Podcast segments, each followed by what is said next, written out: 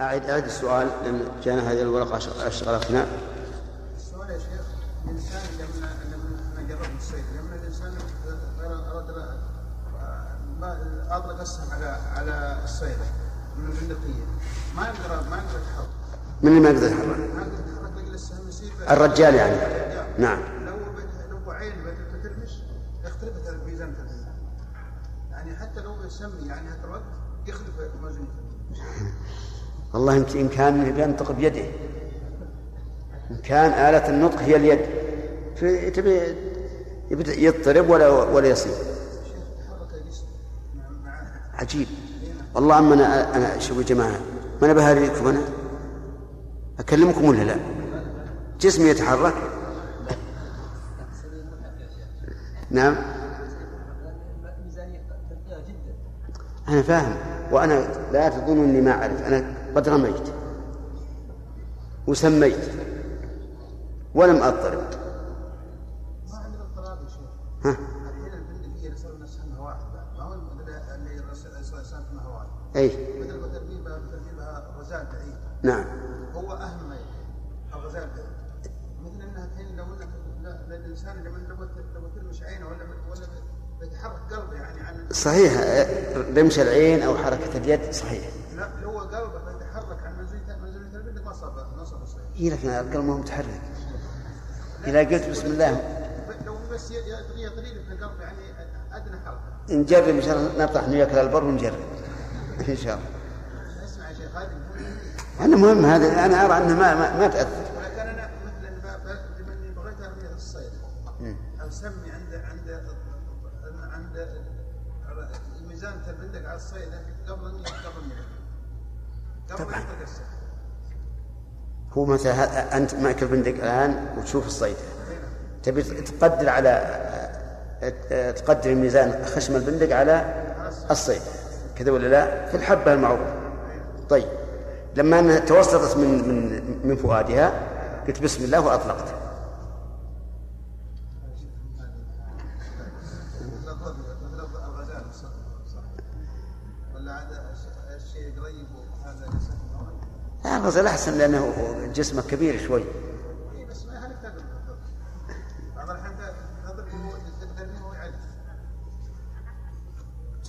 أخذنا خمس دقائق. محمد وعلى آله وأصحابه ومن تبعهم بإحسان إلى يوم الدين. ما تقول يا عبد الله؟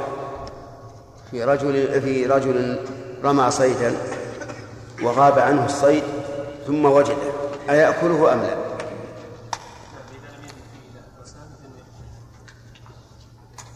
يعني في التفصيل ها؟ التفصيل.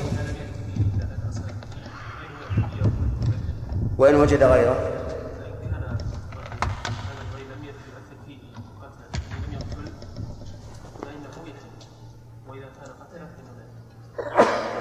إذا وجد إذا إذا كان فيه سهم أيضا. فماذا؟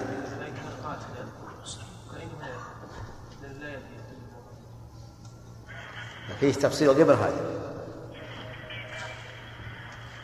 فإن كان من سهم قد سمي عليه. ها. يحل ويكون الصيد بينهما. طيب. وإن كان من من ممن لا ندري أسمى أم لا. ها. أين القاتل؟ نعم. نعم وإذا كان ليس قاتل الموسم برجليه فإنه يحل طيب. يعني إذا كان السهم الأول قاتلا والثاني غير قاتل حل. وإن كان بالعكس؟ لا يحل. طيب وإن شككنا؟ نعم. وإن شككنا أيضا لا يحل. إيه، ما هو المعراض الذي قال فيه الرسول عليه الصلاة والسلام؟ إن إذا أصاب بحده فكل وإن أصاب بعرضه فلا تأكل. عصا رأسها محدد. عصا؟ حديدة في رأس حديدة محددة. فيحذفه على الصيد. إن أصاب بعرضه فهو قيد لا يؤكل. وإن أصاب بحده فهو حلال يؤكل. نعم.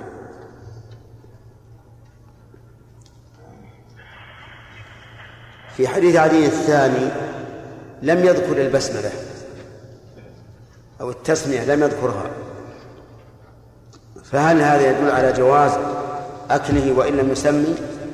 يا عبد السلام. ها؟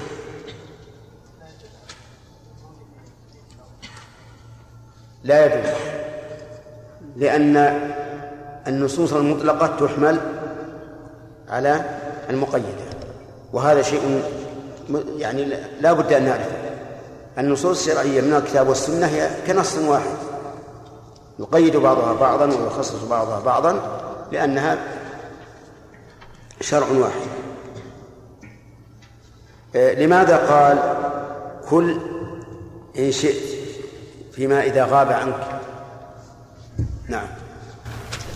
لأنه لو لم يأكل منه قد يقول قائل بأن هذا من إضاعة المال نعم. لأن الناس تعافوا إذا غاب عنه. فخيره الرسول عليه السلام إن شاء أكل وإن شاء لم يأكل وليس عليه. أحسنت. يعني إذا شاء لم يأكل وليس عليه إثم. لأن الرسول قال إن شئت. إذا لها لها فائدة كلمة إن شئت. لأنه لو كان حلالا وتركه ولم يأكل منه صار فيه إضاعة للمال وهو منهي عنها. وهي منهي عنها. ناخذ الدرس الجديد الآن درس الليلة. قال وعن أبي ثعلبة الخشني رضي الله عنه عن النبي صلى الله عليه وعلى آله وسلم قال إذا رميت بسهمك فغاب عنك فأدركته فكله ما لم ينتن هذا كحديث عدي رمى الإنسان صيدا فأصابه ثم غاب عنه. ووجده بعد ذلك. فيقول النبي صلى الله عليه وعلى آله وسلم فكل ما لم ينتن أي ما لم تتغير رائحته بنتن فإن تغيرت رائحته بنتن فلا تأكل.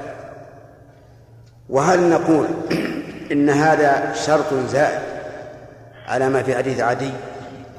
لأن حديث عدي فيها أنك أنه لم ير فيه إلا إيش؟ إلا أثر سهم. نقول نعم هذا شرط زائد. ف... ولا بد من الشرط السابق الذي دل عليه حديث عدي. إذا فإذا وجده بعد أن رماه وغاب عنه يأكله إلا أن يجد فيه آه نعم أثرا غير أثر غير سهمه أو يجد نتنا. أما الأول فلأنه شرط لحل الصيد. لا يحل الصيد يعني هو الصيد جيفة.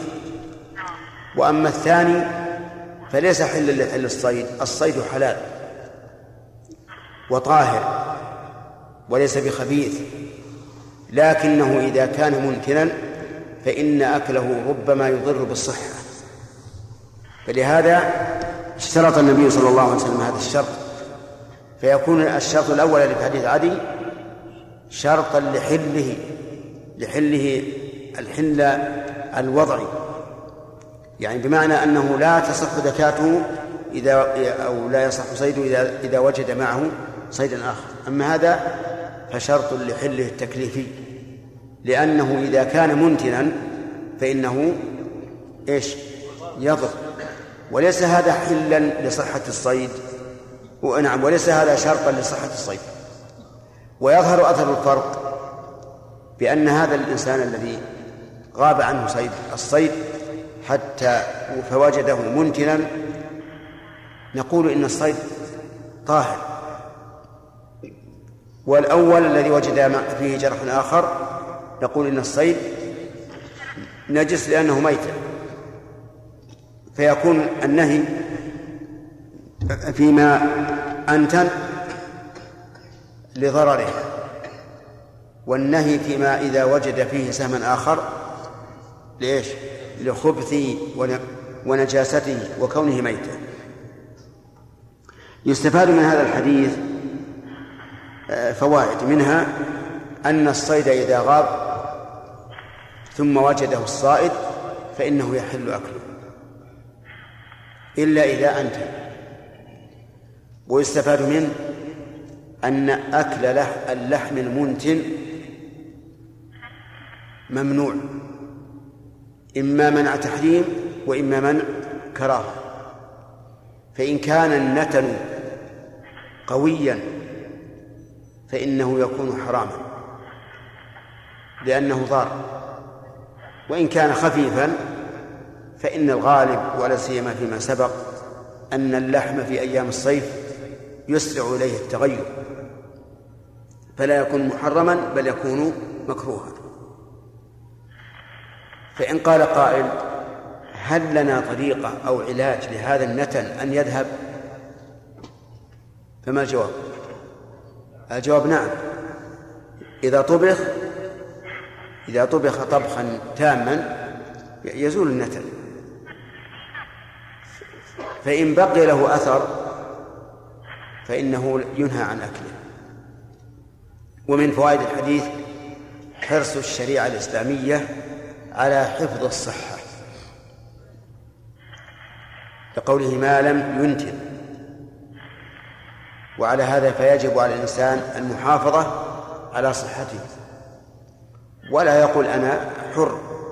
إن شئت فعلت ما يضر بصحتي وإن شئت لم أفعل. نقول ليس كذلك. إن بدنك أمانة عندك. وإنه يجب عليك أن ترعاه أحسن رعاية. ولهذا قال الله تعالى ولا تقتلوا أنفسكم. وقال النبي صلى الله عليه وسلم لا ضرر ولا ضرار بل أسقط الله عن الإنسان شرطا من شروط الصلاة خوف الضرر كالطهارة بالماء. فإن الإنسان إذا خاف الضرر سقط عنه أن أن يتطهر بها سواء من جنابة أو من حدث أصغر لأن لأنك مأمور بحفظ بدنك. ولهذا وجب على الإنسان المضطر أن يأكل وليس بالخيار. يجب أن يأكل فإن لم يأكل فقد تعرض لقتل نفسه. وعن أبي ثعلبة نعم وعن عائشة رضي الله عنها أن قوما قالوا للنبي صلى الله عليه وعلى آله وسلم إن قوما يأتوننا باللحم لا ندري أذكر اسم الله عليه أم لا قال سموا أنتم وكلوا. رواه البخاري. وفي لفظ آخر وكانوا حديثي عهد بكفر. يعني أسلموا قريبا. هذه جملة معترضة. نرجو من صاحب السيارة. تقول عائشة رضي الله عنها إن قوما أتوا النبي عليه الصلاة والسلام يسألونه. عن قوم يأتونهم باللحم. فلا يدري القوم الذين أوتوا باللحم لا يدرون أذكر هؤلاء اسم الله عليه أم لا. فقال سموا أنتم وكلوا. قالت وكانوا حديث عهد بكفر. وقولها كانوا حديث عهد بكفر كأنها تبين سبب السؤال. لأنه لولا هذه الحال لكان سؤالهم هل يأكلون اللحم أو لا تنطعا وتعنتا. لكن إذا كانوا حديث عهد بكفر فإنه قد يغلب على الظن أنهم إيش؟ لا يعرفون أن التسمية واجبة فيكون عند الإنسان شك. هذا الحديث استدل به بعض العلماء على أن التسمية ليست بشرط. لقول النبي صلى الله عليه وسلم سموا أنتم وكلوا. مع أن السائلين قد شكوا في كون هؤلاء قد سموا أو لا. وهذا شك في شرط الحل لو كان شرطا. فلا فلا يحل لا فلا تحل ذبيحة. إذا شككنا هل الذابح قد سمى أو لا. ولكن هذا ولكنه لا لا وجه للاستدلال بهذا الحديث على هذه المسألة. لوجهين. الوجه الأول أن هذا الحديث يحتمل ما قيل ويحتمل أمرا آخر وهو أن الرسول عليه الصلاة والسلام أذن لهم في أكله لأن الأصل في الفعل الواقع من أهله أنه واقع على السلامة والصحة. لا لأن التسمية ليست شرطا وعندنا أدلة أخرى صريحة في اشتراط شرط التسمية لحل الذبيحة والقاعدة الشرعية أنه إذا وجد وردت نصوص فيها احتمال ونصوص أخرى لا احتمال فيها فالواجب إيش؟ حمل المحتمل على ما لا يحتمل وهو من رد المتشابه إلى المحكم وهذا طريقة أهل أهل العلم والإيمان. أما اتباع المتشابه فهو طريقة أهل الزيغ. ولكن لا ينبغي أن يؤخذ من هذه العبارة أن المخالفين في وجوب التسمية المستدلين بهذا الحديث أنهم أهل زيغ. لأن منهم علماء أجلة نعلم أنهم أن عندهم من النصح للأمة والنصح لله ولكتابه وال... ما, ما, ما ليس عند غيره. لكن نقول هذه الطريق طريق زيغ ضالة غير صحيحة. عندك نصوص محكمة واضحة. تريد أن تحملها على المتشابه؟ هذا عكس ما يقتضيه الشرع والعقل. بل احمل المشتبه على المحكم حتى يصير الجميع محكما. وحينئذ يترجح احتمال أن النبي صلى الله عليه وسلم أذن لهم لأن هذا الفعل وقع من أهله والأصل فيما وقع من أهله أنه على السلامة حتى يتبين الفساد. في هذا الحديث فوائد منها اشتراط التسمية لحل الذبيحة. وجه ذلك أن الصحابة سألوا النبي صلى الله عليه وسلم عن هذا ولولا أنه قد تقرر عندهم أن أن اللحم لا يؤكل إلا إذا ذكر اسم الله على الذبيحة ما سألوا. لكن هذا متقرر عندهم. ومنها ورع الصحابة رضي الله عنهم حيث سألوا عن هذه المسألة المشكلة. وهذا يدل على ورعهم وتحريهم فالورع من طريق الصالحين وحقيقته أن يدع الإنسان ما فيه مضرة في الآخرة. كل إنسان يدع ما فيه مضرة فإنه يعتبر ورعا. والزهد أكمل من الورع. الزهد أن يدع ما لا نفع في الآخرة ما لا نفع فيه في الآخرة. فكل ما لا نفع فيه من أمور الدنيا إذا تركه الإنسان فهذا زاهد. وكل ما فيه ضرر إذا تركه الإنسان فهو ورع. من فوائد من فوائد الحديث أن أن الفعل إذا وقع من أهله فإنه لا يسأل عنه. لأن الأصل السلامة. وإذا كان الأصل السلامة كان السؤال عنه تعنتا. ويدل لذلك أن النبي صلى الله عليه وسلم عرض بهؤلاء السائلين. حيث قال سموا أنتم وكلوا. كأنه يقول لستم مسؤولين عن فعل غيركم. فعل غيركم المسؤول عنه الفاعل. أما أنتم فمسؤولون عن عن أي شيء؟ عن فعلكم بأنفسكم ولهذا قال سموا أنتم وكلوا. كان يقول سموا ولا عليكم من غيركم. ومن فوائد هذا الحديث وجوب التسمية على الأكل. لقوله سموا أنتم وكلوا. وهذه المسألة فيها خلاف بين العلماء. فمنهم من قال إن التسمية على الأكل والشرب سنة. ومنهم من قال إنها واجبة. والصحيح أنها واجبة. وأنه يجب على الإنسان إذا أكل أو شرب أن يسمي وذلك لأمر النبي صلى الله عليه وعلى آله وسلم به حتى إنه أمر الغلام الصغير وهو عمر ابن ابن أبي سلمة حين كان يأكل مع الرسول عليه الصلاة والسلام فقال له يا غلام سم الله وكل بيمينك وكل مما يليك. ولأن ولأن الإنسان إذا ترك التسمية شاركه الشيطان في أكله. فيشاركك أعدى عدو لك في أكلك إذا لم تسمي وإذا سميت صارت التسمية حصنا منيعا. تمنع الشيطان من مشاركتك. فالصواب أن التسمية على الأكل والشرب واجبة. فإن قال قائل إذا نسيت أن أسمي في أول الأكل وذكرت في أثنائه فماذا أصنع؟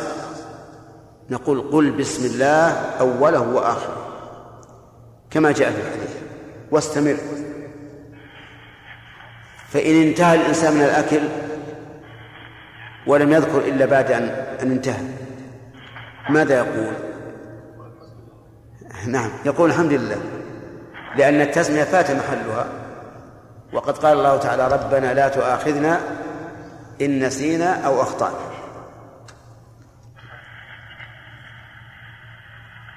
ومن فوائد هذا الحديث أنه أن هذه الشريعة ميسرة حيث إننا لا نطالب بالسؤال عن فعل غيرنا. لأننا لو طولبنا بذلك للاحقنا بهذا مشقة عظيمة.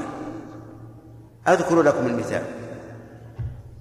وجدنا لحما يباع في السوق. لو كان يلزمنا أن نبحث لبحثنا عن الذابح. هل هو يصلي أو لا يصلي؟ ثم بحثنا هل سمى أو ما أو لم يسمى. ثم بحثنا هل أنهر الدم أم لم ينهر الدم. ثم بحثنا عن الذبيحة. هل هي ملك له أو لمن استنابه في ذبحها أو لا. ثم إذا قالوا هي ملك لفلان ثبت عندنا. نقول أين جاءت؟ جاء اشتراها من فلان. طيب فلان هل هو مالك؟ حين باعها.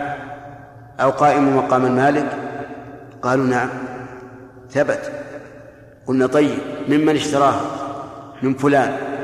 هل هو مالك؟ إلى أن نصل إلى أول ما خلق الله الذبائح. لكن من نعمة الله عز وجل أن فعل غيرنا لا نكلف به. طيب. يبقى عندنا الآن هذه الذبائح التي تردنا من الخارج. هل لنا الحق أن نسأل من الذابح؟ من الذابح؟ نعم.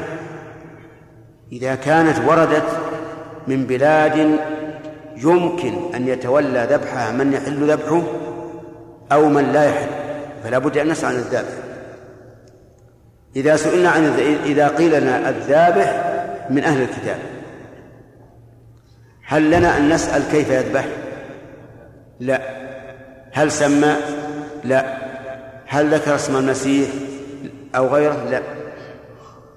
لأنه ما دام ثبت عندنا أنها من ممن يحل ذبحه فليس لنا أن نسأل كيف ذبح ولا هل سمى أو لا. ويعتبر السؤال عن هذا من باب التعنت والتنطع طيب فإن قال قائل هو ورد من دولة فيها أهل كتاب وفيها مشركون وفيها ملحدون. نسأل من الذي يتولى الذبح؟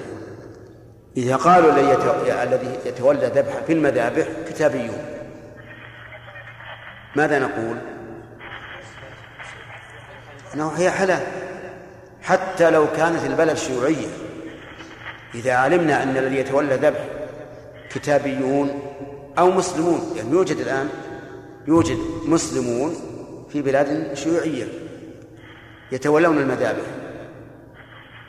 إذا قالوا أنهم مسلمون أو كتابيون قلنا هي حلال. طيب فإذا قالوا لا ندري من يتولى الذبح لا ندري. أهم مشركون وثنيون أو كتابيون أو مسلمون ما ندري. وال- والبلد خليط من هؤلاء وهؤلاء وهؤلاء. فماذا نصنع؟ نقول الأكثر. الأكثر إذا كان الأكثر يمكن أن يتولوا الذبح. فإن كان الأكثر هم التجار والأغنياء والذين لا يمكن أن يتولوا الذبح فلا عبرة بالأكثرية هنا. لأننا نعتبر الأكثر فيما إذا كان الاحتمال واردا أن يكون الذابح هو الأكثر أو لا. وإذا كنا نعلم أن الأكثر هم الكبار والأغنياء الذين لا يمكن أن يتول- أن يتولوا الذبح سقط ترجيح الأكثرية حينئذ. ويبقى الآن أنه فيه صعوبة جدا. إذا سقطت الأكثرية أو إذا سقط الترجيح بالأكثر سيبقى الأمر مشكلا تماما. فنقول في في هذه الحال اترك لا تأكل. طيب لكن أنا أخبركم بالنسبة للبلاد السعودية أنه جرى مناقشة هذا هذا الأمر في هيئة كبار العلماء. ودعوا وكلاء الوزارة مرة أو مرتين يسألونه كيف يرد إلينا هذه الذبائح؟ فقالوا إن هناك أناسا مو- موكلون إن هناك أناسا موكلين في الإشراف وأنه لا يمكن أن يرد إلى المملكة إلا ما أشرف على ذبحه وأنه بطريق شرعي. وأنه بطريق شرعي. ونحن في ذمة غيرنا لكن من أراد أن يسلك الورع فهذا شيء آخر. بشرط أن يكون للورع محل. أما إذا كان الورع من باب التنطع فإنه ليس ليس بورع.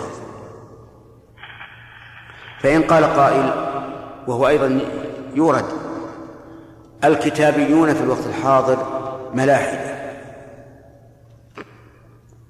لا يؤمنون إيمان عيسى ولا إيمان موسى. قلنا ولو كان الأمر كذلك.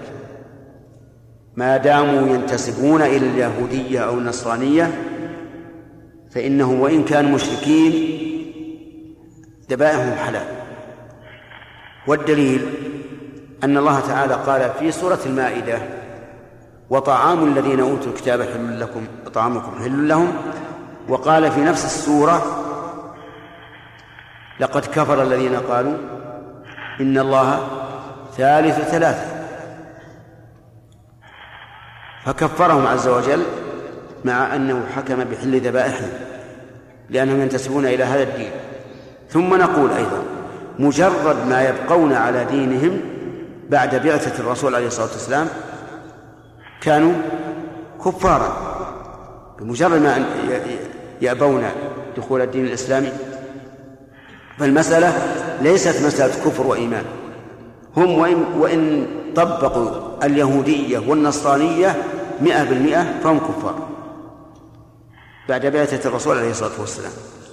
والمسألة ليست مسألة كافر أو أو مؤمن بل المسألة أنه من منتسب لأهل الكتاب. إذا انتسب لأهل الكتاب حل ذبيحته. وإن كان ملحدا في دينه. طيب. من فوائد الحديث أنه لا ينبغي للإنسان أنه لا ينبغي للإنسان أن يضيق على نفسه في الأمور التي أطلقها الله ورسوله لأن التضييق على النفس يوجب الحرج والمشقة سواء كان ذلك في تبيان الحكم أو في العمل. فإن الإنسان إذا إذا شق على نفسه شق الله عليه. كما يروى عن النبي صلى الله عليه وسلم لا تشددوا فيشدد الله عليكم سواء كان ذلك في الحكم أو في التطبيق. فمثلا في التطبيق بعض الناس يتشدد في الطهارة أو في أقوال الصلاة أو في أفعالها. نعم. يتشدد فيشدد الله عليه. يبقى بدل أن يغسل يديه ثلاث مرات يغسلها ست مرات. لأنه شدد على نفسه. أو في في العمل. تجده مثلا في العمل يريد أن يشد يقرأ القرآن. يقرأ القرآن بالتجويد كما زعم. فتجده عند خروج الحاء يخرجها حتى يكرها كرا في في حلقومه. وربما تأخذه السعدة من أجل هذا. عند القلقلة يقلقل حتى كأنما قلقل رجليه من الأرض. وهكذا أيضا في بقية القواعد التجويدية. فيتنطع ويزيد على على المشروع فإذا شدد شدد الله عليه. ولهذا قال ابن مسعود رضي الله عنه في وصف أصحاب النبي عليه الصلاة والسلام إنهم أقل الناس تكلفا. ما عندهم كلافة لا في العمل ولا في التطبيق. كذلك إذا شدد الإنسان شدد الله عليه في الحكم أيضا. يشدد الله عليه في الحكم. بمعنى أنه قد يوجب على نفسه ما لم يوجبه الله عليه. إذا كان قد انتهى زمن التشريع. وقد يوجب الله عليه ما لم يجب إذا كان في زمن التشريع. ولهذا امتنع النبي عليه الصلاة والسلام من الصلاة في رمضان. صلاة تطوع وقال إني خشيت أن تفرض عليكم. يعني أن تلتزموا بها فتفرض عليكم ولما أمر موسى عليه الصلاة والسلام قومه أن يذبحوا بقرة ما رأيكم لو أخذوا أي بقرة وذبحوها؟ يجزي ولا ما يجزي؟ يجزي. ولو فعلوا هذا لسهل عليهم الأمر. لكن قالوا ادع لنا ربك ويبين لنا ما هي. وش هذه البقرة؟ وش عملها؟ وش سنها وش لونها قال في الجواب الأول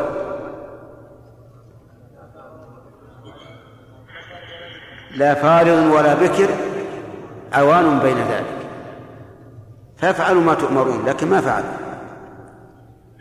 جاءت جاء سؤال عن إيش؟ عن اللون ما لون قال إنها بقرة صفراء. ما هي صفرة فقط؟ فاقع لونه كالذهب تسر الناظرين. ثلاثة أوصاف. صفرة وقوع اللون سرور الناظر هذا فيه تشديد. ما انتهوا. وفي في هذه الآية ما قال افعلوا ما تؤمرون. لأن الذين عتوا في الأول سيأتون في الثاني. قالوا ادعونا ربك ويبين ما هي؟ إن البقرة تشابه علينا. مش متشابه علينا؟ واضح. لكن بنو إسرائيل أفهمهم حجر. إن البقرة تشابه علينا وإنا إن شاء الله لمهتدون. ما ما جزموا. قال إنه يقول إنها بقرة. لا ذلول تثير الأرض ولا تسقي الحرث. مسلمة لا شية فيها. لا شيء لا عيب فيها. ثم صاروا هم الحكام وليس موسى هو الحاكم. قالوا الآن جئت بالحق. هم اللي حكموا بأن هذا هو الحق. فذبحوها وما كادوا يفعلون. نسأل الله العافية. فالمهم أن الإنسان إذا شدد على نفسه فإنه يشدد عليه. مثلا ظن أن في في ثوبه في طرف ثوبه نجاسة. ظن. قال بحتاط أبى غسله قال ها والله خاف أن إني رشمته بأول غسله وترشش الماء. يغسل اللي حوله قال الغسل الثاني ما تطهر. ترشش اللي أكبر. مساحة أكبر. ثم يمكن يغسل الثوب كله علشان هذا. لأنه شدد على نفسه. فإذا شدد على نفسه شدد الله عليه. وهكذا أيضا في طريق الموسوسين أشياء غريبة. لكن لو أن الإنسان قطع هذا الأمر وأخذ بالأيسر سهل الله أمره. فهذا الحديث أصل في أن الإنسان لا ينبغي أن يشدد على نفسه ولا يبحث عن عن فعل غيره. ما دام الفعل قد وقع من أهله فهو سليم صحيح. نعم. في وقتنا الحاضر هذا مجوسية أو غيره تهود أو تنصر هل نقول يقبل منه وتؤكل ذبيحته أم لا. الإسلام؟ لا إذا انتقل الإنسان عن دينه من غير أهل الإسلام ما يقبل منه إلا الإسلام أو دينه نعم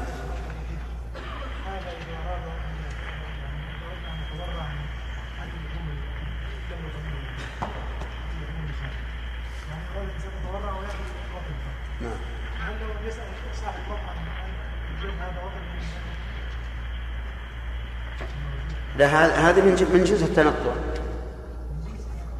تنطع. نعم. أصل إذا لا تسأل ما دام تعرف النبي يكتب عليك.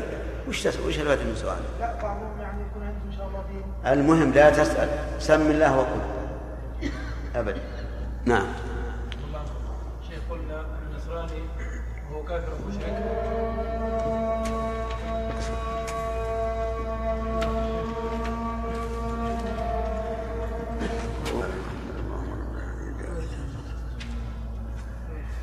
آت محمدا الوسيلة والفضيلة وبعث المقام محمود نعم. قلنا ان الكافر النصراني يعني وهو مشرك إذا لم إذا يعني هو بطبيعة الحال لا ليس إيش؟ الكافر النصراني لا يسميه. و لا ما قلنا ما سمي يعني قلنا إذا علمنا أنه يذبحها وهو كافر. لا يسميه طيب من المسلم كلف ولعل هذه هذه من كيسك إحنا ما جئنا بك لا بلعل ولا غيره طيب حتى المسلم الآن إذا ذبح هل هل هو ندري إنه سمى ولا ما ندري. طيب الكافر لم يسمي آه، به الكافر إذا لم يسمي كالمسلم. ما أنهر الدم وذكر اسم الله عليه فقل. هذا عام سواء كان من مسلم أو من كافر. هذا هو الصحيح. وإن كان بعض العلماء السابقين واللاحقين قالوا ما اعتقده اليهود والنصارى زكاة فهو زكاة حتى ولو كان خنقا. لأن الله قال طعام الذين أوتوا الكتاب وطعامكم. ففرق بين هذا وهذا. فما اعتقدوه طعاما فهو حلال. وهذا أحد الوجهين في مذهب الإمام مالك رحمه الله. وعلى هذا نستريح أيضا أكثر. نقول ما علينا سواء ذكوه أو ما ذكوه أو خنقوه أو ما خنقوه ما داموا يعتقدونه طعاما لهم فهو حلال. لكن الصحيح أن, أن أنه إذا كان المسلم وهو أطهر من الكافر لا تحل ذبيحته إلا بإنهار الدم والتسمية فالكافر من باب أولى ولا إشكال في هذا نعم. يحيى. مسألة بيع الكلب المعلم. إيش؟ ها؟ مسألة بيع الكلب المعلم. بيع الكلب المعلم لا يجوز. أي نعم. لأن النبي صلى الله عليه وسلم نهى عن ثمن الكلب. ورواية النسائي شاذة. إلا كلب صيد شاذة لا عبرة بها. وذلك لأنه حتى لا وجه لها أيضا. لا وجه لها. لأنه إذا قال إلا كلب صيد يجب أن يقال ماشية وحرث ثم يقال غير الكلب, الذي لغير الكلب الذي لغير هذه الأغراض الثلاثة أصلا لا يتداول أصلا لأن اقتناءه إيش؟ حرام فالذي يتداول ويمكن بيعه هو ما حل الانتفاع به وهو الذي نهى, نهى عنه الشرع ولكن إذا قال قائل أنا محتاج إلى كلب أنا صاحب حرث أحتاج إلى كلب ولا وجدت إلا كلبا عند شخص يقول لا أعطيك إياه إلا بدراهم وأنا محتاج فماذا أصنع؟ يحيى وش نعمل؟ أجب؟ ها؟ قال أنا محتاج إلى الكلب كيف؟ هو قال أنا محتاج إلى الكلب الثاني محتاج لكلب وصاحبه اللي كان بالعام الماضي حارس وعنده كلب والآن هو مستغنى عنه وجاء إنسان محتاج له لهذا العام وقال أبدا ما أعطيك إياه إلا بثمن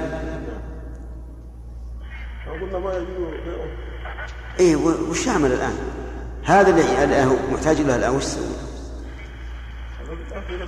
ها؟ يعني نقول خل, خل حرثك تأتيه الكلاب وتحرث فسده نعم. يجوز بيعه للضرورة يقول العلماء في مثل هذه الحال يبذل الإنسان الثمن وهو عوض في الواقع ما هو ثمن حقيقي؟ ويكون الإثم على على الآخر. على الآخر. لا في هذا ولا في غيره. كل الذي لا يجوز بيعه مثل الكلى والماء والنار إنسان يحتاج إلى أنه يستضيف بنار شخص قال أبدا أعطنا أوقد فيها. معي الحطب بس أضعه في النار وأخذ أخذ منها؟ قال لا. إلا بعشرة ريالات نقول أعطه عشرة ريالات وهو الآثم. وكما قال العلماء رحمهم الله في من لم يجد بيتا في مكة إلا بأجرة. قالوا إنه يسكن بالأجرة والإثم على صاحب البيت. وأنت ما عليك إثم. أفهمتم؟ قالوا إن سكن بأجرة لم يأثم بدفعها والإثم على على صاحب البيت بناء على أن أنه لا لا يجوز تأجير بيوت مكة. حميد؟ رواه مسلم. وعن كعب بن مالك رضي الله تعالى عنه أن امرأة ذبحت شاة بحجر فسئل النبي صلى الله عليه وسلم عن ذلك فأمر بأكلها رواه البخاري. وعن رافع بن خديج رضي الله تعالى عنه عن النبي صلى الله عليه وسلم قال ما أنهر الدم وذكر اسم الله عليه ليس السن والذكر أما السن فعظم وأما الذكر فمدى الحبشة. متفق عليه. وعن جابر بن عبد الله رضي الله تعالى عنهما قال نهى رسول الله صلى الله عليه وسلم أن يقتل شيء من الدواب صبرا رواه مسلم. بسم الله الرحمن الرحيم. الحمد لله رب العالمين. وصلى الله وسلم على نبينا محمد وعلى آله وأصحابه ومن تبعهم بإحسان إلى يوم الدين. أما بعد آه، الأخوة في البحرين. بدأ الدرس الآن.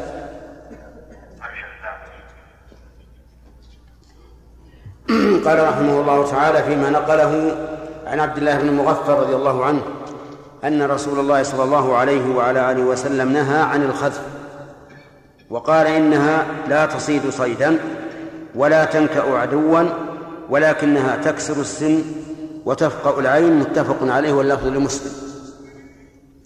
نهى النهي معناه طلب الكف عن الفعل على وجه الاستعلاء بصيغة معروفة وهي المضارع المقرون بلا الناهية. هذا هو النهي.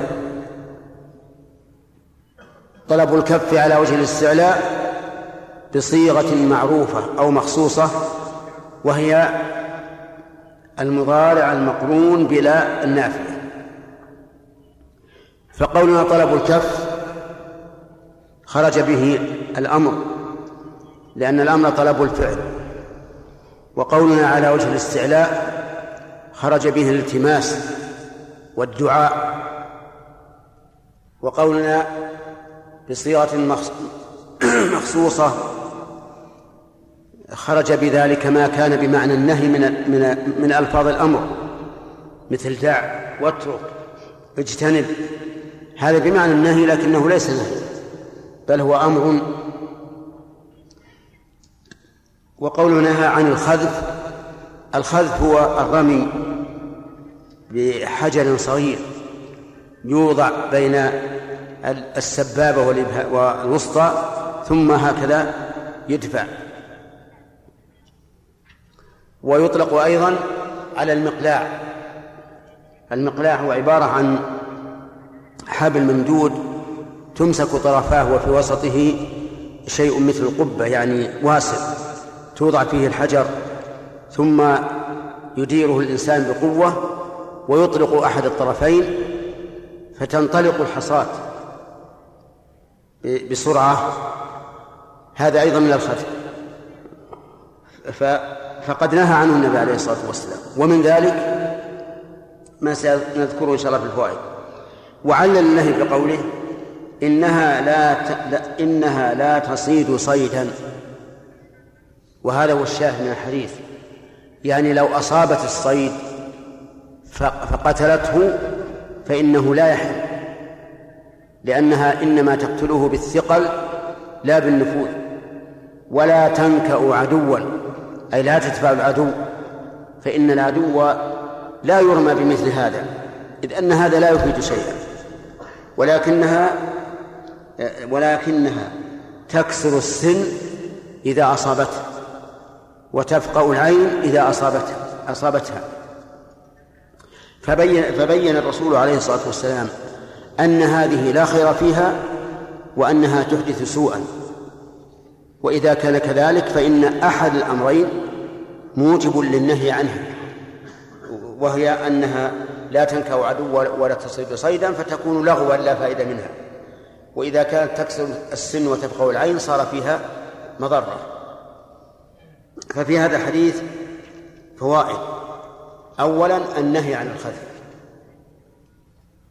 وهل هو للتحريم أو للكراهة؟ الأظهر أنه للكراهة ما لم يتحقق الضرر الذي أشار إليه النبي صلى الله عليه وسلم وهي أنها تفقأ العين وتكسر السن. وذلك بأن يكون أمامنا ناس أن يكون أمامنا ناس نخشى أن أن تصيبهم هذه الحجر الصغير فيفقأ العين ويكسر السن. ويقاس على الخذف ما يعرف عندنا الآن بالنباط. ولعلكم تعرفونه نعم. هذا أيضا من جنسها. لأنه لا لا, لا يصل الصيد ولا ينكو العدو. ومن فوائد هذا الحديث أن ما أصيب بال بحصى الخذف فإنه لا يحل. لقوله لا تصيد صيدا لكن لو أدركه حيا حياة مستق لو أدركه حيا فذكاه فإنه يحل. لأن هذا يشبه الموقودة التي قال الله تعالى فيها إلا ما ذكيتم. فإذا أدركها وذبح أدرك الصيد وذبحه وخرج منه الدم الحار الأصفر الأحمر فهي حلال. سواء تحركت أم لم تتحرك. فمثلا إذا إذا أصاب صيدا بحصى الخذف ثم سقط وأدركه قبل أن يموت وذبحه وسال منه الدم الأحمر الحار فهو حلال. لأنه أنهر الدم. ولا فرق بين أن يتحرك أو لا يتحرك. وقيل إنه لا بد أن يتحرك لأن كونه يذكى ولا يتحرك يدل على أنه قد انهارت قواه وخرجت روحه. ولكن الصحيح الأول. ومن فوائد هذا الحديث حسن تعليم الرسول عليه الصلاة والسلام أنه إذا ذكر الحكم ذكر الحكمة وهذا فرد من آلاف الأفراد من قوله تعالى وأنزل الله عليك الكتاب والحكمة. ومن فوائد هذا الحديث أنه لا ينبغي لنا أن نقابل أعداءنا بسلاح لا ينفع فإن هذا من التهور الذي يكون سببا للتدهور. بل نقابله بمثل سلاحه أو أعظم لقول الله تعالى وأعدوا لهم ما استطعتم من قوة. ومن هنا نعرف أن ما يفعله بعض الناس في المدن الإسلامية وغير الإسلامية من الفئات القليلة التي لا تملك من السلاح ما تملكه حكومتهم ثم يخرجون على الحكومة نرى أن هؤلاء مخطئون بكل حال. حتى لو فرض أن الحكومة كافرة مئة بالمئة. فإنه لا يجوز الخروج عليها بمثل ذلك. لماذا؟ لأن هذا سوف يكون إساءة إلى إلى الإسلام وانتصارا لهذه الطائفة الكافرة. إذا قدر أن الحكومة كافرة وجه ذلك أنهم سيغلبون والعلم عند الله.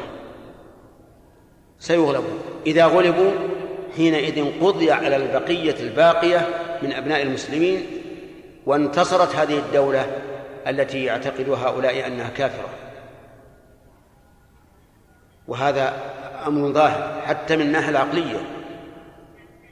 أما من الناحية الشرعية فانظر إلى حكمة أحكم الحاكمين وهو الله عز وجل حيث لم يأمر ولم يأذن أيضا للمسلمين في مكة أن إيه؟ أن يجاهدوا أو يقاتلوا. لم يؤذن لهم إلا بعد أن انتقلوا إلى المدينة وصار لهم دولة.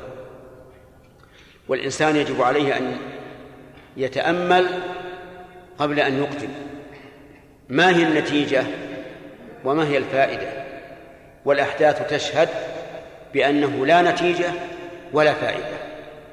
بل تشهد أيضا شهادة واقعية أن أولئك الذين يخرجون على أئمتهم بحجة أنهم يريدون أن ينتصروا للإسلام وأن أئمتهم على الضلال والكفر نرى أن الحال تنعكس وتكون أسوأ بكثير مما سبق. ولا حاجة إلى التشخيص والتعيين. تأملوا الآن. كل الذي التي حصلت فيها الثورات يتمنى شعوبها الآن أنهم كانوا على الحال الأولى السابقة. يتمنون هذا بكل قلوبهم ولكن لا يحصل. طيب إذن يؤخذ من هذا الحديث أنه لا ينبغي أن نقابل العدو بإيش؟ بسلاح هش رديء لا ينفع ولا ولا ينكأ العدو ويستفاد من هذا الحديث تجنب ما يكون ضررا على الغير لقوله ولكنها تكسر السن إذا أصابته وكذلك قوله وتبقى العين وهذا ضرر فالواجب اتقاء الضرر و... و... نعم. فالواجب اتقاء الضرر. ثم إن الضرر إن كان متيقنا أو راجحا فالنهي ليش للتحريم. ثم قال وعن ابن عباس رضي الله عنهما أن النبي صلى الله عليه وعلى آله وسلم قال لا تتخذوا شيئا فيه الروح غرضا رواه مسلم. هذا أيضا نهي. لا تتخذوا. والدليل على أنه نهي جزم الفعل بعد لا. وقوله شيئا فيه الروح. قيد. ولم يقل شيئا مطلقا. قال فيه الروح. غرضا أي هدفا يرمى إليه. هذا هو الغرض. بأن ينصب أمام الناس ويقال الآن نترامى عليه. وإنما نهى عنه عليه الصلاة والسلام لما في ذلك من من إيلامه وعدم الضرورة إليه لأنه من الممكن أن يتخذوا غرضا ليس فيه ليس فيه روح. ليس, ليس هناك ضرورة إلى أن نجعل ما فيه الروح غرضا. ففي هذا الحديث النهي عن اتخاذ ما فيه الروح غرضا والنهي للتحريم. لما فيه من أذية هذا الحيوان بدون ضرورة إليه ومن فوائد هذا الحديث أن الدين الإسلامي كما يرحم الإنسان يرحم الحيوان. حتى أن الرسول عليه الصلاة والسلام قال كفى بالمرء إثما أن يضيع من يقوت. أي من ما كان قوته واجبا عليه. فكفى به إثما أن يضيعه. ومن فوائد هذا الحديث أنه لو مات الحيوان كالطير مثلا وجعل غرضا فلا بأس به. لكن هذا المفهوم مقيد بما إذا لم يكن ذلك متضمنا لإفساد المال. فإن كان متضمنا لإفساد المال بمعنى أن هذا الطير الذي جعلناه غرضا بعد أن هلك بعد أن مات آه، يتخرق ويفسد لحمه. فإنه ينهى عنه من هذه الناحية. أنه أن في ذلك إيش؟ إفسادا للمال. ومن فوائد هذا الحديث الإشارة إلى أنه ينبغي أن يكون للرماة غرضا يترامون إليه. لأن هذا هو الذي يحصل به تعلم الرمي. وكثير من الناس يصيب الهدف بما يريد أن يصيبه فيه من أعلاه أو من أسفله أو من يمينه أو شماله. حتى أنه حدثنا بعض الناس أن أن من الرماة من يجعل البيضة على صدر ابنه على صدر ابنه ثم يرمي إليها فيصيب البيضة ويسلم الولد. وهذا يعني أنه بلغ من الإصابة غايتها إذ أن رجلا يفعل هكذا يخشى عليه أن ترتعد فرائصه لأن أمامه من؟ ابنه. ومع ذلك يتحكم إلى هذا الحد. وهذا أمر يعني معروف مشهور عندنا. نحن لم نشاهد لكنه اشتهر عند الناس. وإن وإن كنا لا نحبذ هذا الأمر. لأنه إذا كان النبي عليه الصلاة والسلام نهى أن يشير الرجل بحديدة إلى أخيه فهذا أشد خطرا. لكننا نحكي الواقع وحكاية الواقع لا يعني لا يعني إقراره. فإن الرسول عليه الصلاة والسلام قال لتتبعن سنن من كان قبلكم اليهود والنصارى. وحكايته إياه لا يدل على على إقراره. فالحاصل أن أنه إذا إذا هلك إذا مات ما فيه الروح جاز اتخاذه غرضا بشرط أن لا يؤدي ذلك إلى إفساد المال. فإن قال قائل يزعم معلم الطيور اليوم أنه لا يمكن أن يتعلم الطير حتى تطلق أمامه حمامة أو نحوها. فهل إطلاقها جائز؟ أو نقول هي مثل هذا هي مثل هذا الحديث أنه اتخذ شيئا فيه الروح غرضا لكن اتخذه غرضا لإيش؟ لا للطير مو للسهم. فهل نقول إنه إنه يدخل في هذا الحديث دخولا لفظيا أو دخولا معنويا؟ الجواب ان أن الظاهر أنه لا يدخل. إذا لم يمكن تعليم الطير إلا بذلك. والفرق بينه وبين السهم أن السهم يمكن أن تجعل شيئا ليس فيه الروح غرضا. أما هذا فلا يمكن. ولا يمكن أن نعرف أن أن نعلم الطير إلا بهذا. وعن كعب بن مالك رضي الله عنه أن امرأة ذبحت شاة بحجر فسئل النبي صلى الله عليه وعلى آله وسلم عن ذلك فأمر بأكلها. هذا الحديث ساقه البخاري رحمه الله مختصرا. والقضية التي وقعت أن جارية كانت ترعى غنما بسلع وسلع قريب من المدينة. كان في ذلك الوقت محل الرعي. الآن الآن يا سليم. ها؟ كلها عماير. الآن في وسط المدينة. كانت ترعى غنما فأصاب الذئب شاة منها. فأدركتها أخذت حجرا له حد فذبحتها. فأمر النبي صلى الله عليه وسلم بأكلها وهذا الحديث فيه فوائد. ذكرنا أظن فوق العشر في كتابنا آه، الأضحية والزكاة. عشر فوائد تؤخذ من هذا الحديث. نأخذ منها ما تيسر. أولا فيه دليل على جواز الذبح بالحجر لأن النبي صلى الله عليه وعلى آله وسلم أقر ذلك حيث أمر بأكل الذبيحة به. ولكن يشترط أن يكون الحجر ذا حد لقول النبي صلى الله عليه وسلم فيما سبق في السهام ما أصاب بحده فكل وما أصاب بعرضه فلا تأكل. هنا الحجر لا بد أن يكون له حد ولأنه لا يمكن أن ينهر الدم إلا إذا كان له حد. ومن فوائد هذا الحديث جواز ذبح المرأة. وجه ذلك؟ نعم.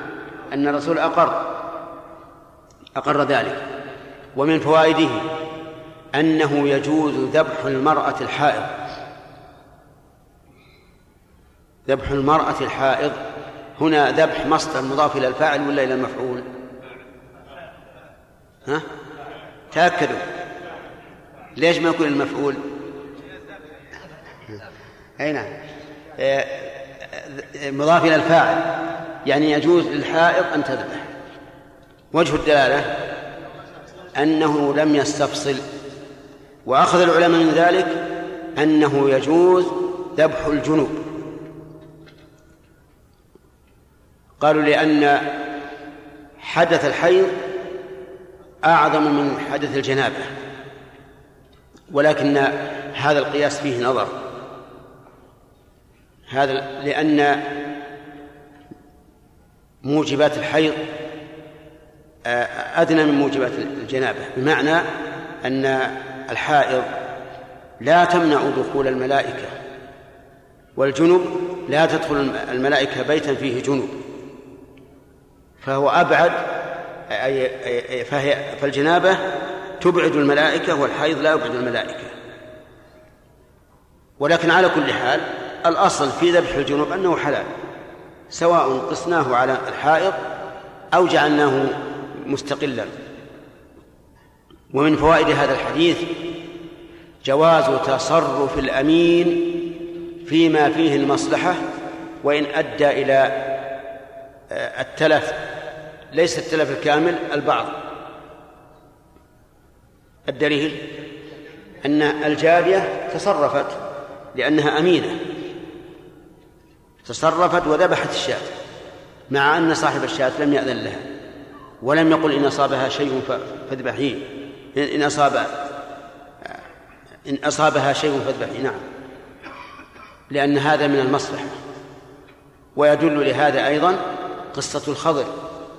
حين ركب السفينة فخرق قال له موسى أخرقت الثراء لا فأخبر أنه خرقها لأن وراءهم مالكا يأخذ كل سفينة غصبا. ومن فوائد طيب إذا قال قائل أنتم تقولون فيه دليل على جواز تصرف الأمين بما فيه المصلحة وإن لم يذن له. فهل أردتم بالجواز ما يقابل المنع أو أردتم بالجواز ما استوى فيه الأمران؟ الجواب الأول أردنا ما يقابل المنع وهل هناك فرق بين العبارتين؟ إذا قلنا المراد بالجواز استواء الطرفين صار هذا الأمين إن شاء فعل وإن شاء لم يفعل. وإذا قلنا المراد بالجواز ما يقابل المنع صار واجبا على الأمين إذا خشي التلف إيش؟ أن يتصرف. وهذا هو الواقع هذا هو المراد.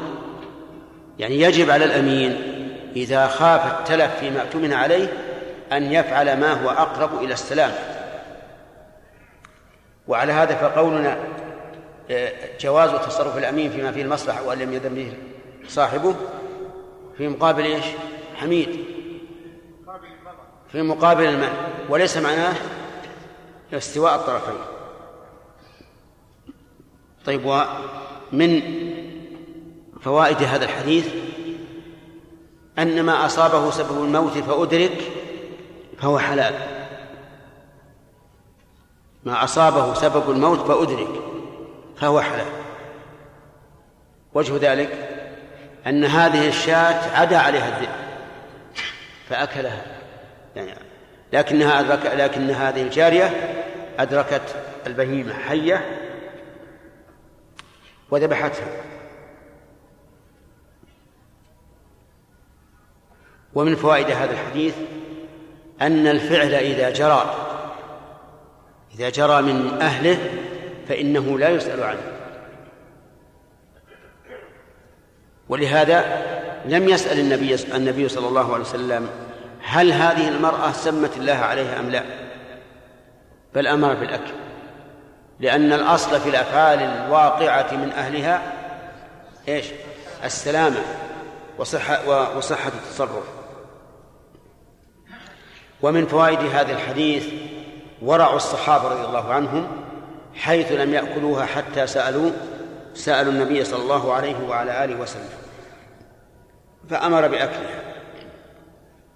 ومن فوائد هذا الحديث أن الأمر يأتي بمعنى الإذن لأن قوله أمر ليس معناه أمر تعبدي بمعنى أنه يلزمهم أن يفعلوا ذلك ولكنه أمر بمعنى الإذن. وهكذا كل أمر بعد استئذان فهو للإباحة وليس للوجوب ولا للاستحباب إلا بدليل خارجي. أما مجرد الأمر الواقع آه، جوابا للاستئذان فإنه يكون لإيش؟ للإباحة. هذا هو الأصل. وعن رافع بن خديجة رضي الله عنه عن النبي صلى الله عليه وعلى آله وسلم قال ما أنهر الدم وذكر اسم الله عليه فكل. ليس السن والظفر أما السن فعظم وأما الظفر فمد الحبشة. قوله ما أنهر.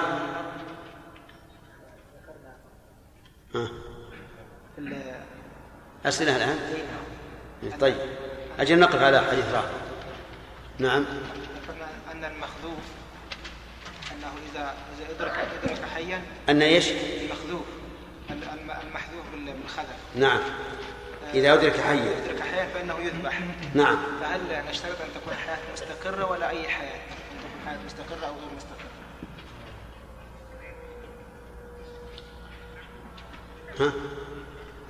لابد أن نقول أن تكون لابد أن تكون حياة مستقرة أو أو ذكرنا. ما ذكرنا هذا يا جماعة. خلاص. كررناها مرتين لكنك يمكن خبت هذا يقول أرجو عبد السلام القحطاني ضرب. استغفر الله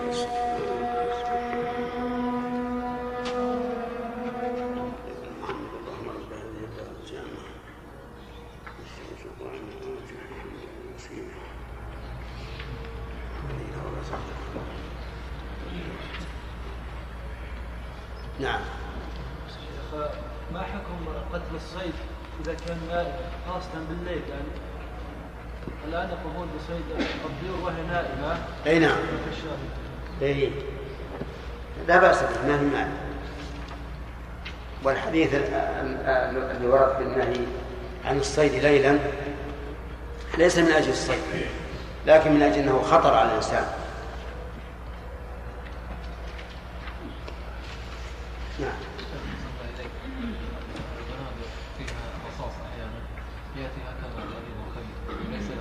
إيش؟ له يعني له رصاص كبير ليس له حد ليس هو مدبر كانسان فهل يجوز اكل اي نعم وما ببندق الرصاص صيدا جواز أكله قد استفيد.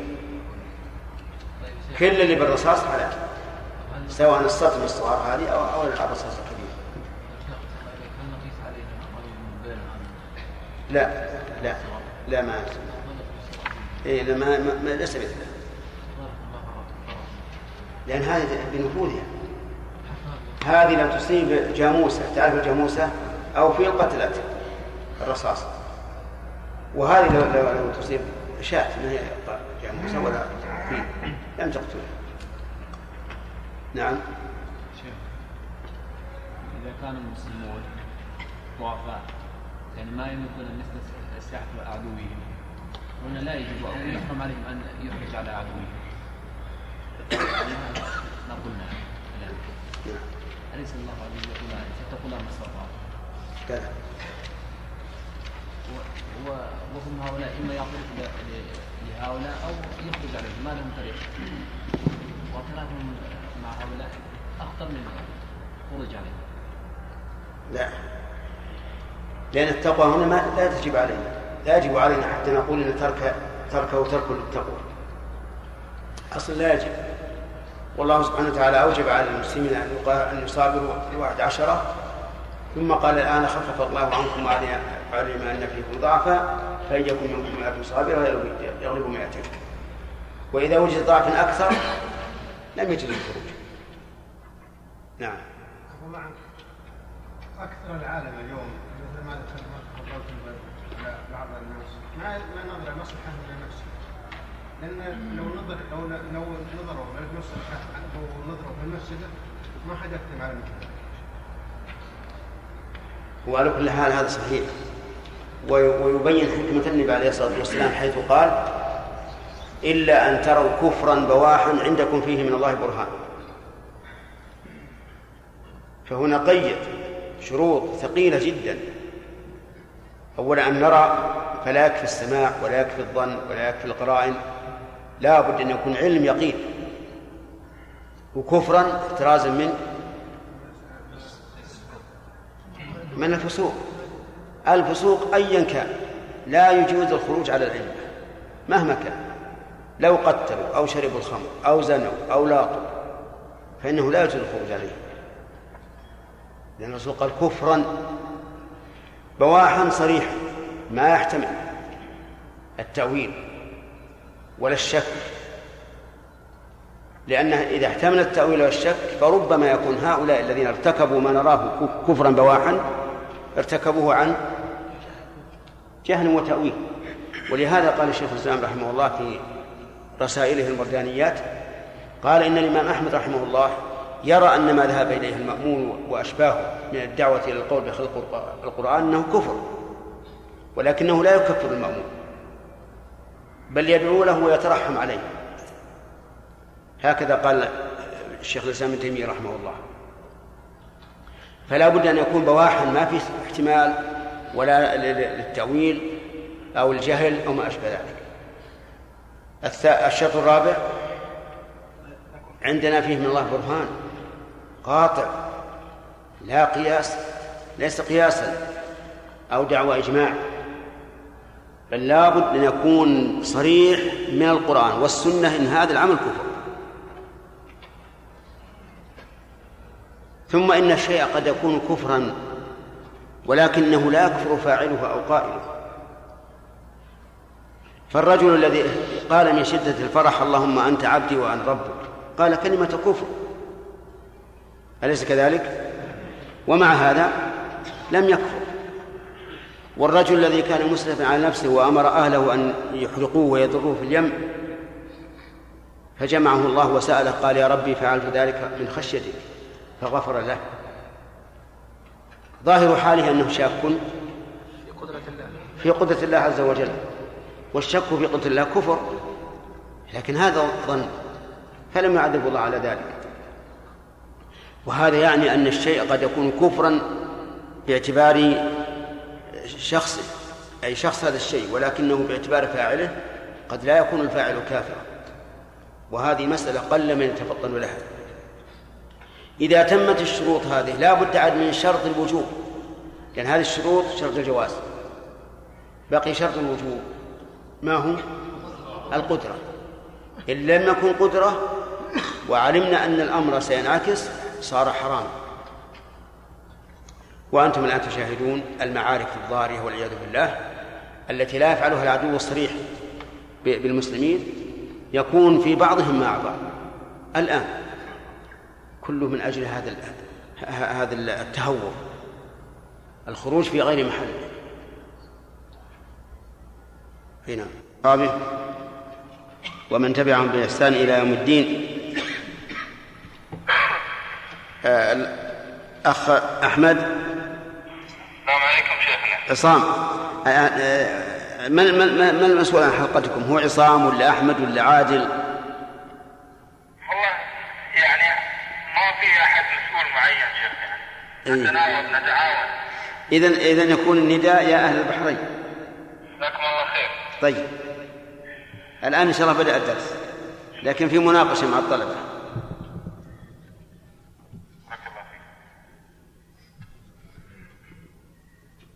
بسم الله الرحمن الرحيم. آه، ما حكم أكل اللحم المنتج؟ خالد. نقل شديد إيش إذا كان نقل إذا كان نتن إذا كان النتن إذا كيف نعالجه؟ لحم. مش نعالجه؟ لحم منعين إذا طيب إذن وإن, وإن لم يمكن. يحرم مطلقا. نعم. إذا يعني إذا كان نتن شديدا يخشى ضرره حرم وإلا وإلا فيكره طيب إذا له ثلاث حالات. إن عولج حتى ذهب النتن كمل يحل وإن خيف ضرره وإن لم يخف الضرر فيكره. فصار المفهوم من قوله المفهوم في قوله ما لم ينتن فيه تفصيل. طيب. في حديث عائشة زيادة حذفها المؤلف رحمه الله وهي مهمة ما هي سامح؟ أنهم كانوا حديث عهد بكم فما فائدة هذه الرواية في هذا المقام؟ أنهم إذا كانوا حديث عهد يحصل عند الإنسان شك هل علم حكم التسميع على التاريخ أم لا؟ نعم أنهم إذا كانوا حديث عهد بكفر فإنه قد يغلب على الظن أنهم لا يسمون لأنهم لا يعرفون أحكام الإسلام طيب.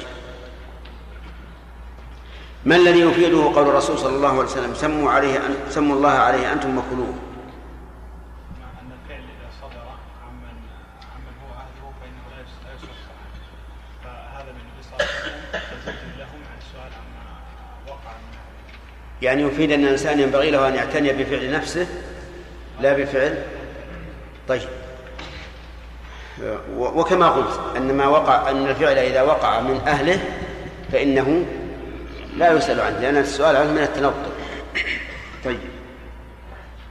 استدل بعض العلماء بهذا الحديث يا إبراهيم على أن التسمية ليست واجبة. فماذا تقول؟ هذا الحديث يحتمل ما قاله ويحتمل أمر آخر وهو أن الفعل إذا وقع من أهله فالأصل فيها السلام.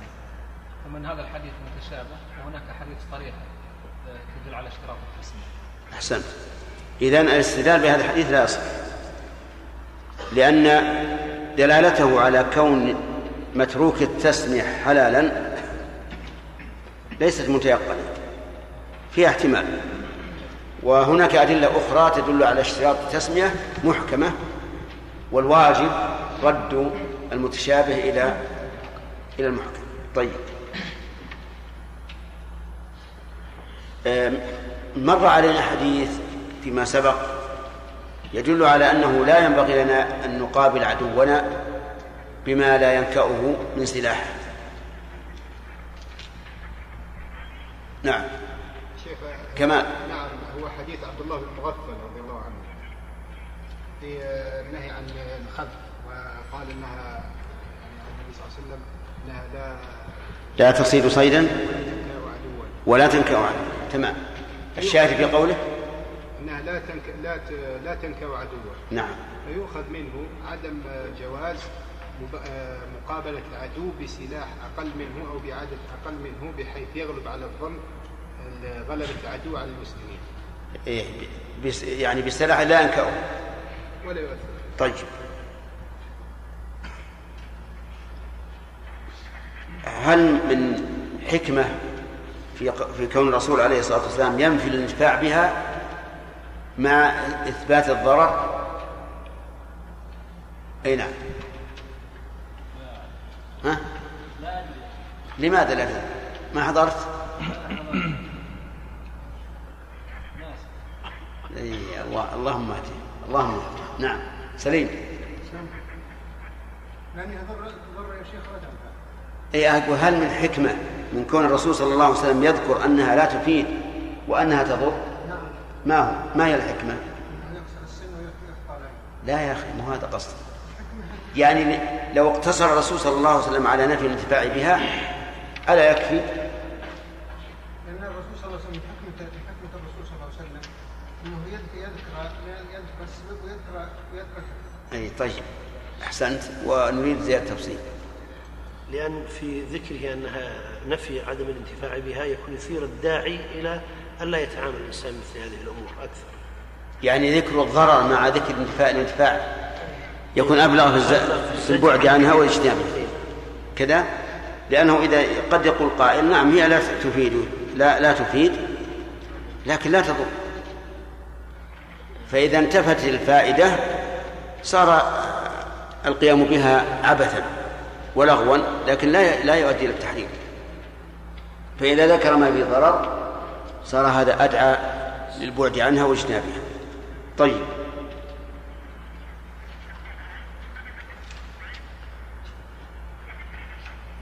آه، رجل اتخذ غرضا يا سعد. اتخذ غرضا من ورق. نعم. يجوز؟ يجوز؟ ليس ذا روح.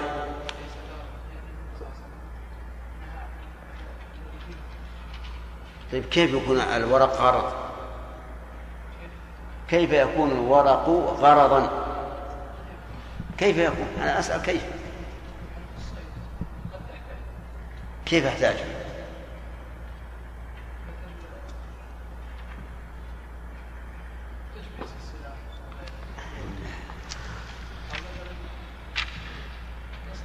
ولا ولم أعلم أن الورق يكون جبصا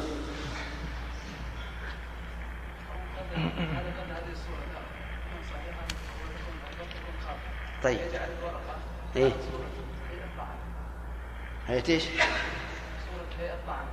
طعام. ها. أنت طيب إذا معناه كأنك لا تعرف معنى الغرض. وش معنى الغرض؟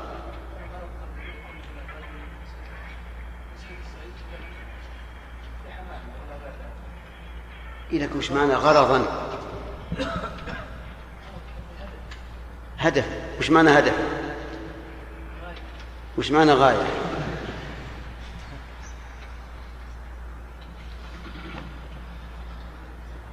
الظاهر إنك ما تصورته الآن. نعم يا موسى. آه أحسنت. يجعل شيئا يرمي إليه. هل رأيت المترميين؟ يضعون شيئا من بعد ويقول نرمي ويجعلون دائرة اللي يصيب يكون أجود. نعم؟ إيه لكنك أجبت بغير ما فهمت. طيب. لو أنه لو, لو أنه يعلم صيدا من الطيور وأرسل أمامه حمامة حية حتى يلحقها فيصيدها شو يقول عبد الرحمن يجوز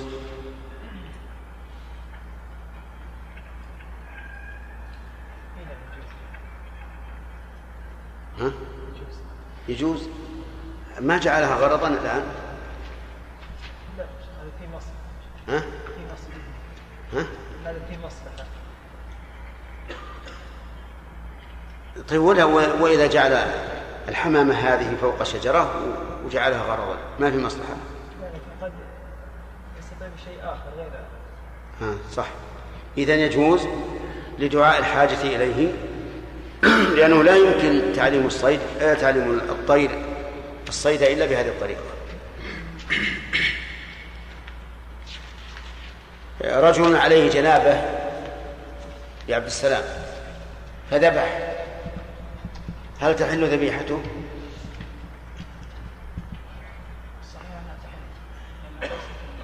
وغير الصحيح إيش قول اخر؟ إن حرام؟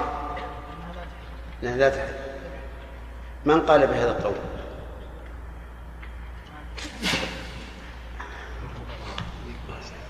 هل حكينا أن احدا قال لا تحل؟ ها؟ أين؟ طيب ما هو الدليل على ان على أن زكاة الجنوب حلال؟ ها؟ ما هو الدليل؟ أنا ما أقول. الأصل. الحل أليس الجنوب؟ يمنع من الصلاة ويمنع من دخول المسجد إلا عبر سبيل ويمنع من قراءة القرآن. طيب. والذكاة يعني ما إذا الدليل عدم الدليل. ألا هل يوجد دليل إيجابي بأن نقول الدليل كذا وكذا؟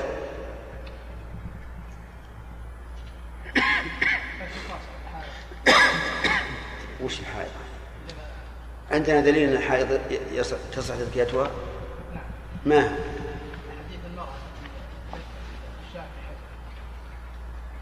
ولما وامر النبي صلى الله عليه وسلم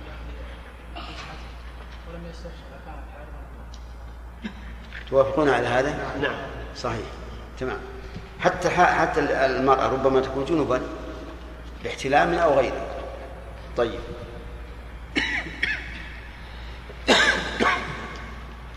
رجل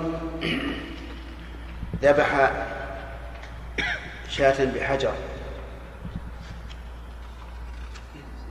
نعم. في تفصيل. ما هو؟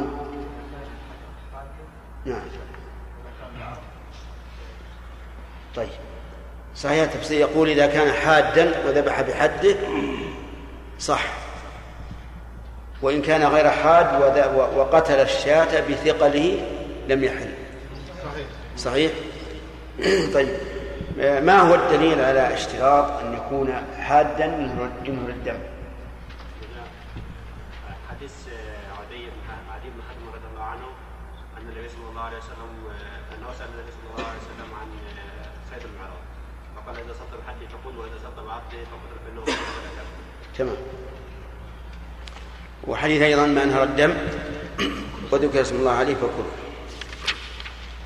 نبدأ الدرس الجديد الآن. قال وعن رافع بن خديجه رضي الله عنه عن النبي صلى الله عليه وعلى آله وسلم قال ما أنهر الدم وذكر اسم الله عليه فكل. ليس السن والظفر أما السن فعظم وأما الظفر فمدى الحبشة متفق عليه. قوله ما أنهر الدم هذه ما شرطية. وأنهر فعل الشرط. وفاعله مستتر. جوازا تقديره هو. والدم مفعول به.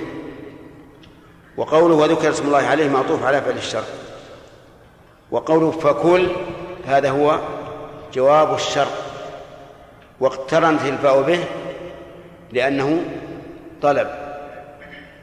وإذا كانت جملة الجواب طلبا وجب اقترانها بالفاء. وعلى هذا بيت مشهور فيما يجب اقتران جوابه بالفاء. أحمد؟ اسمية طلبية وبجامد وبما وبقد وبلن وبما ولن وبقد وبالتنفيس طيب من أي هذه الأقسام السبعة؟ الطلبية وقول ليس السن ليس هذه أداة استثناء. واسمها مستتر وجوبا. وليس كما نعلم ليس يستتر اسمها وجوبا إلا إذا كانت أداة استثناء. فإن اسمها يكون مستترا وجوبا. والسن خبرها. وأما قول أما السن فأما هذه حرف شرط وتفصيل والسن مبتدأ وعظم خبر مبتدأ.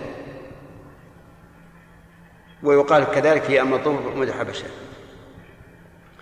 يقول النبي عليه الصلاة والسلام أي شيء أنهر الدم من حديد وخشب ورصاص وذهب وفضة أي شيء أنهر الدم وذكر اسم الله عليه فكل. واستفدنا العموم من أداة الشرط لأن جميع أدوات الشرط الاسمية تفيد العموم. كل اسم شرط فإنه مفيد للعموم وعلى هذا فيشمل كل ما أنهر الدم من أي مادة كان. زجاج؟ يدخل في هذا؟ نعم.